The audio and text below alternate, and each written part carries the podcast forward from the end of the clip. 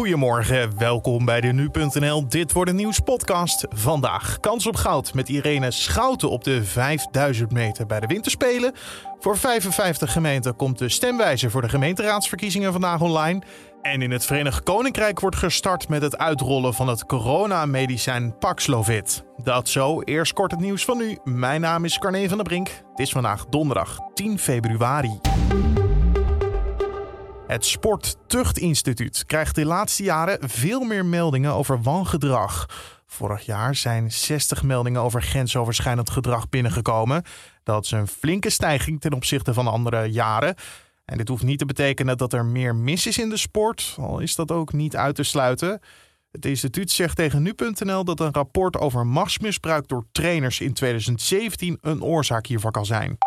Extra gaswinning in Groningen moet voorkomen worden. Dat wil de Tweede Kamer. Gisteravond was er een debat en het kabinet moet er alles aan doen om ervoor te zorgen dat er dit jaar geen extra gas moet worden gewonnen in Groningen. Staatssecretaris Velbrief zegt druk bezig te zijn met alternatieven. De gaskraan kan namelijk voorlopig nog niet dicht omdat Duitsland extra nodig heeft. In het Italiaanse stadje Vigevano is het lichaam gevonden van een Nederlandse vrouw.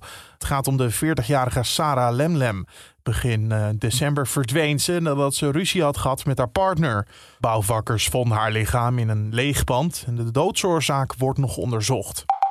De Internationale Schaatsbond heeft volledig vertrouwen in de ijsmeester van de Olympische Spelen. Dat laat de bond weten na de forse kritiek van de Zweedse schaatser Niels van der Poel. Volgens hem zou Team NL de ijsmeester hebben beïnvloed om goed ijs voor de Nederlanders te krijgen. Hij noemde het corruptie. This is corruption. This is trying to alter the field of play in your favor by using unethical and immoral means. De schaatsbond zegt dat er niks klopt van alle beschuldigingen. Voor iedereen gelden dezelfde regels en omstandigheden.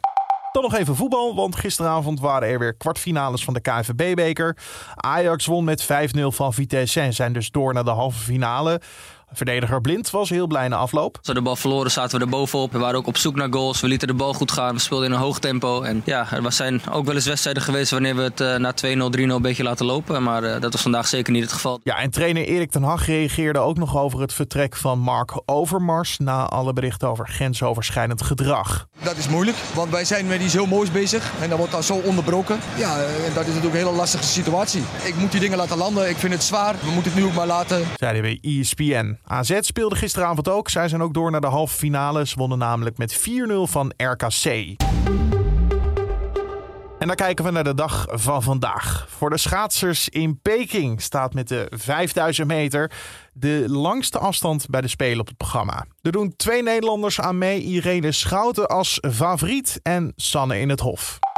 En voor 55 gemeenten komt de stemwijzer vandaag beschikbaar. Daarmee moet het inzichtelijker worden voor jou als kiezer om eh, te zien welke partij het beste bij je past. Het gaat onder meer om eh, grote gemeenten als Amsterdam en Den Haag, maar ook kleinere gemeenten zoals Baarn, Katwijk, Soest en Wageningen.